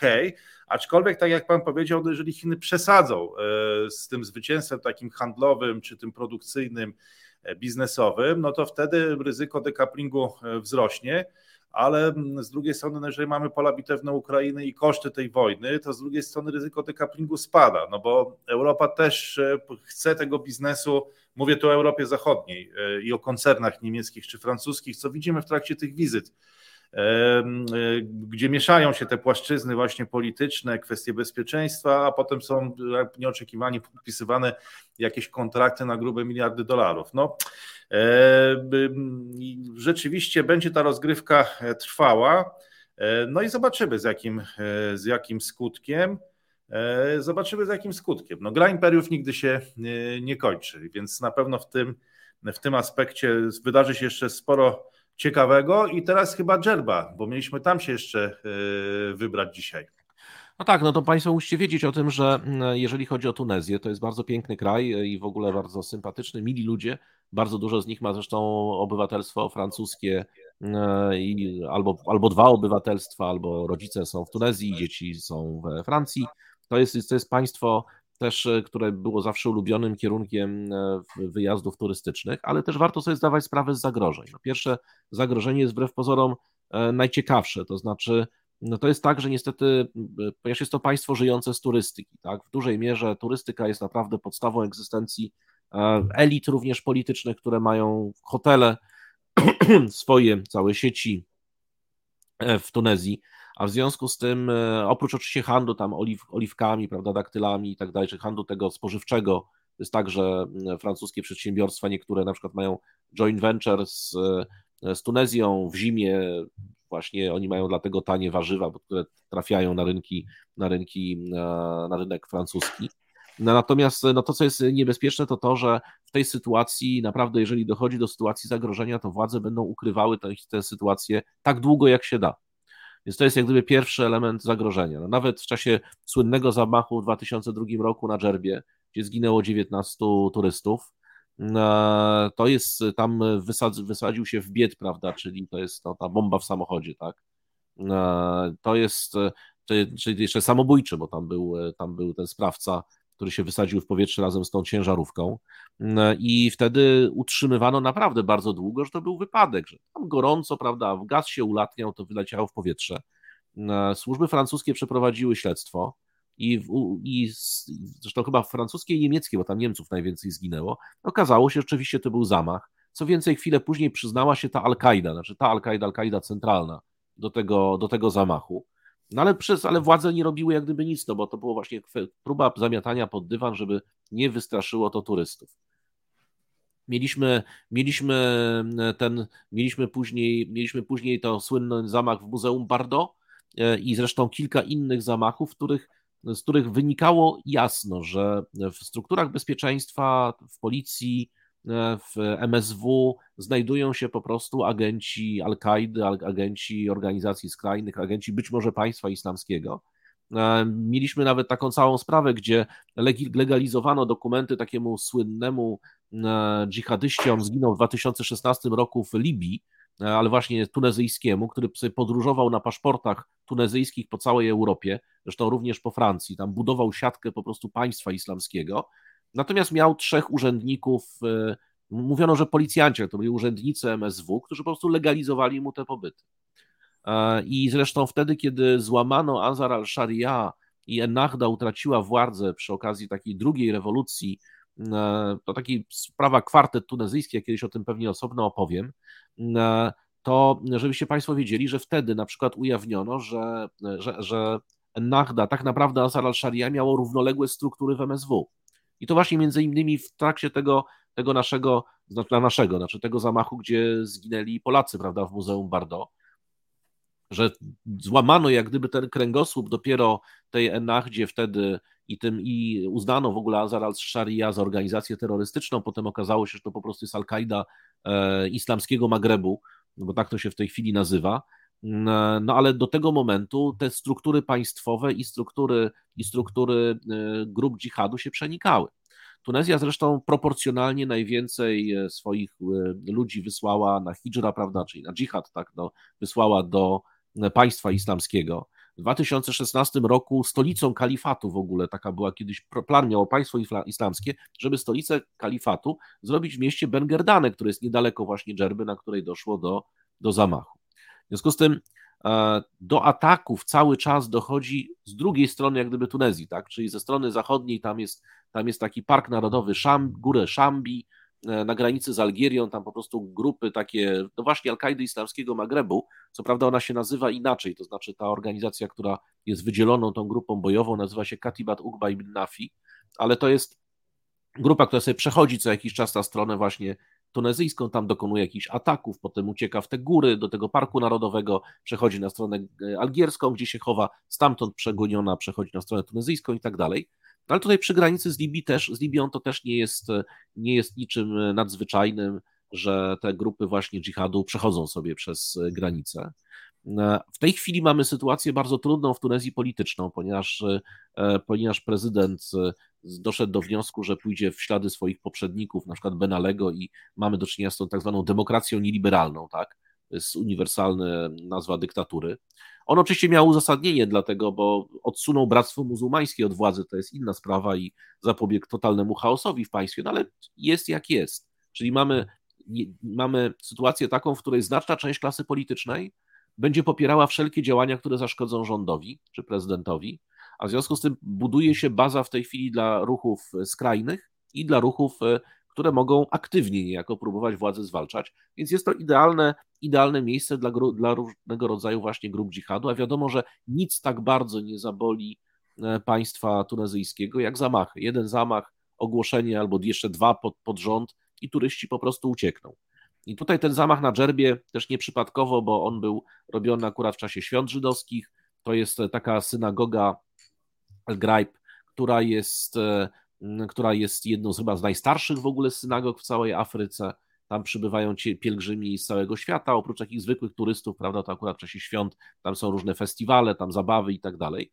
No i też jest znamienne, że zamachowcem był żandarm, członek Gwardii Narodowej. On zabił swojego kolegę. Ale w czasie pracy, czy. W czasie pracy zabił swojego kolegę w porcie. To 15 kilometrów, prawie czy tam 12 kilometrów od tego miejsca, tej synagogi. Zabrał mu amunicję, żeby mieć po prostu amunicję do zamachu. Zabrał mu amunicję, pojechał pod tą synagogę. Tam się okazało, że tam jest dużo straży, w związku z tym zaczął się strzelać ze strażą. No ale w sumie zabił pięć osób, zanim jego zabito. W tym zabił, zabił e, trzech, chyba, czy dwóch, dwóch turystów i, i chyba trzech strażników w sumie. E, znaczy turystów, to pielgrzymów, to było akurat dwóch braci e, z Haddad się nazywali, to był jeden z nich, był, jeden z nich ma obywatelstwo tunezyjskie, drugi francuskie, no ale tam jest powiedziane, że Francuz i Tunezyjczyk e, zginęli, czyli to nie było, ale pamiętam te komunikaty, które się zaczęły pojawiać, różnych takich prorządowych tunezyjskich blogerów, tak, bo to chyba tak można powiedzieć. Co ludzie robicie panikę, y, strzelanina była, ale w porcie, 12 kilometrów dalej, ci Żydzi to się przestraszyli, prawda, bo może strzały usłyszeli. No nie rozstrzelano pod, po prostu pod tą synagogą. Tyle tylko, że na szczęście tam ta obecność tych sił bezpieczeństwa z bronią długą była do tego stopnia duża, że ten facet nie wszedł do tej synagogi, bo tam nikt po tym broni nie, nie, nie miał i pewnie by tam wystrzelał tych ludzi no tyle, ile udało mu się tej amunicji temu koledze swojemu zabrać. Więc to, żeby to był autentyczny zamach, nie ujawnia się, nie ma w tej chwili żadnych informacji co do afiliacji. I moim zdaniem, jeżeli zostaną ujawnione, to właśnie przez opozycję, bo nie liczyłbym, żeby władze w ogóle, żeby im przez gardło przeszło, że to jest jakaś organizacja, no bo jeżeli mówią, że to jest organizacja, to wiadomo, że wywołują panikę, więc pewnie będzie taka teza, że samotny wilk, prawda, zaraz się okaże z problemami psychicznymi, Chociaż już premier, e, prezydent powiedział właśnie, że to nieprzypadkowo wybrano synagogę, to znaczy, że, że jednak to jest e, nieodosobniony przypadek, tylko jakieś celowe działanie. No, prawda? Wiadomo, że to będzie wtedy nagłośnione dużo bardziej niż gdyby to były jakieś strzały w restauracji w, tu, w, w Tunisie, gdzie, gdzie zginęły po prostu. A, panie Wojciechu, no z tego wynika, że jak pójdę do galerii handlowej i odwiedzę kilka biur podróży, to raczej ofert do Tunezji chyba na razie nie będzie. Jest właśnie e... bardzo dużo i będzie tym bardziej, będą, może, może będą tańsze. Aha, Może będą tańsze, rozumiem, właśnie... że już e, hotele zarezerwowane, loty, czartery również e, zaplanowane. I, I co, latamy do, do Tunezji, e, jak gdyby nigdy nic. Rozumiem, że, że ta sytuacja jednak, że to jest jakiś incydent, a sytuacja jest cały czas pod kontrolą. No, czy spodziewa się pan, że jednak znaczy, no, dojdzie pan, do tego, że te hotele, że te rezerwacje jednak będą musiały zostać odwołane? To, no, to, to tak samo jak był zamach w SUS, no, co z tego tam zginęło bardzo dużo ludzi, no ale ten zamach był w dwóch hotelach, no. 20 obok hoteli, prawda, się nic nie działo, ludzie się bawili, nie wiedzieli, że się w ogóle coś dzieje. W związku z tym to też nie jest tak, bo to nie, są, to nie jest przecież wojna, bombardowanie prawda, całego terytorium. Natomiast no, trzeba pamiętać, że Tunezja w tej chwili jest mniej bezpieczna niż była jeszcze parę miesięcy temu, również ze względu na sytuację polityczną. Tam może dojść do jakichś demonstracji, może dojść do wybuchu. Wiesz, ja akurat widziałem Tunezję w czasie arabskiej wiosny, więc widziałem, jak ten kraj wygląda ogarnięty dużym chaosem naprawdę i takim no, granicą wojny domowej. E, I no to wtedy bycie turystą tam jest na pewno wtedy niefajne. Natomiast na razie nie ma tych przesłanek ku temu, no ale rzeczywiście to jest już, to już jest kraj mniej bezpieczny niż był na przykład rok temu i warto śledzić komunikaty prasowe, warto zobaczyć, czy tam się coś jeszcze nie wydarzy, bo może to był oderw... od, jak gdyby, że ten zamach w ogóle nie, nie dotyczył niczego więcej, bo może to są jakieś porachunki palestyńskie, może o to chodzi. To wiadomo, wtedy unikać Izrael, okolic izraelskich wycieczek, prawda? Natomiast, natomiast gdyby się okazało, że gdyby się okazało, że to jest właśnie jakaś Al-Kaida, państwo islamskie, to trzeba czekać, czy nie będzie kolejnego. Jak będzie kolejny, to znaczy widać, że to będzie już seria i może faktycznie warto zastanowić się, czy malownicze pola Ukrainy nie są dobrą alternatywą urlopową. No właśnie, dużo o tych urlopach dzisiaj rozmawialiśmy i chyba na tym zakończymy, a jako, że nie nazywamy się Siewcy Strachu, a przynajmniej nie jest taki tytuł naszego podcastu. Siewcy mieliśmy strachu, odzierać, ale odzieracze. Odzieracze, ale z, złudzeń. E, gra Imperiów odzieracze ze złudzeń, ani Siewcy Strachu, więc no, nie straszymy E, tak zapytałem się o tą Tunezję właśnie, będąc ciekaw, czy to jest tylko incydent, e, który rzeczywiście nie zmieni obrazu, e, czy może będzie tych incydentów rzeczywiście więcej, no i będziemy ja pamiętam kiedyś, ja pamiętam właśnie kiedyś, no ponieważ ja jestem specjalistą, może Państwo nie wiecie, ale ponieważ ja się specjalizuję w ogóle w takty, taktyce zamachów terrorystycznych, zresztą to, to wykładam różnym tam siłom antyterrorystycznym, policyjnym z różnych krajów to pamiętam właśnie taką moją dyskusję z jakimś takim e, dobrym człowiekiem, już nie będę innych epitetów używał, jakimś podróżnikiem mnie zostawili, który tam opowiadał, tak, tutaj trzeba jechać właśnie, bo to było tego, do Tunezji, a w ogóle tam nie, nie jest bezpiecznie. I chyba następnego dnia był zamach w, w Muzeum Bardo. Tak? To właśnie to był ten przykład. W Muzeum Bardo, które znajduje się obok Pałacu Prezydenckiego i obok koszar policji i wojska gdzie tam jest po prostu tych ilość agentów na metr kwadratowy jest większa, powinna być przynajmniej niż, niż jakichkolwiek turystów, a pomimo tego zamachu dokonano, Polacy tam zginęli. W związku z tym to jest tak, że ta ocena zagrożeń, ona oczywiście nie ma nic wspólnego z paniką, natomiast tej chwili, w obecnej sytuacji, warto po prostu obserwować, a jeżeli Państwo nie macie czasu na prasę, to najlepiej obserwować komunikaty w języku angielskim, e, na przykład ambasady amerykańskiej. Ambasada amerykańska ma to do siebie, że naprawdę, jeżeli cokolwiek jest jakiekolwiek zagrożenie, to natychmiast wydaje z siebie komunikat, właśnie unikać, uważać, obserwować. To jest chyba najlepsze źródło takiej właśnie informacji, że coś się może wydarzyć. E, no cóż, właśnie, proszę Państwa. Jeżeli się zacznie razie... ewakuować, jeżeli się zacznie ewakuować, to warto jednak już zmienić sobie, przebukować rezerwację na wcześniej. Profesor, w każdym razie siewcami strachu y, nie jesteśmy. No i życzymy Wam udanego urlopu, żebyście jakoś dociągnęli może do wakacji do końca czerwca, lipca i wybrali y, jakieś atrakcyjne miejsca turystyczne, atrakcyjne miejsca, które warto odwiedzić. Może te, które dzisiaj widzimy na załączonym obrazku, może inne, które proponowaliśmy E, to już będzie Państwa e, decyzja. My w każdym razie bardzo dziękujemy jeszcze raz za wszystkie komentarze. Będziemy wdzięczni, jeżeli Państwo napiszecie, co udało Wam się zrobić przez e, ten czas tej gry Imperiów i naszej rozmowy, gdzie dojechaliście ile udało Wam się może przebiec, albo co udało Wam się zaplanować i gdzie pojedziecie na wakacje. Za to bardzo dziękujemy. Jeżeli lubicie inne rodzaje podróży, to zapraszamy na Grę Imperiów Premium, gdzie to jest nie 80 minut, ale 96 no, godzin, czy takich jednostek 45-minutowych i tam podróżujemy i po świecie Bliskiego Wschodu, innych imperiów no, pozaeuropejskich również. Bardzo dziękujemy za liczne wsparcie, czy to w formie tych komentarzy, czy e, no, te wsparcie również finansowe, które staramy się pożytkować, więc też jesteśmy na Spotify. Bardzo Państwu za to e, dziękujemy raz jeszcze. E, no i cóż, nie pozostaje nam już nic innego niż się z Państwem teraz chyba już pożegnać po tych ilu? 90 blisko minutach. 90. Więc całe szczęście, że nie jesteśmy Filasem Fogiem i nie założyliśmy się z lordami w Londynie, że mamy, że mamy zdążyć w 80 minut, 90 minut też jest ok.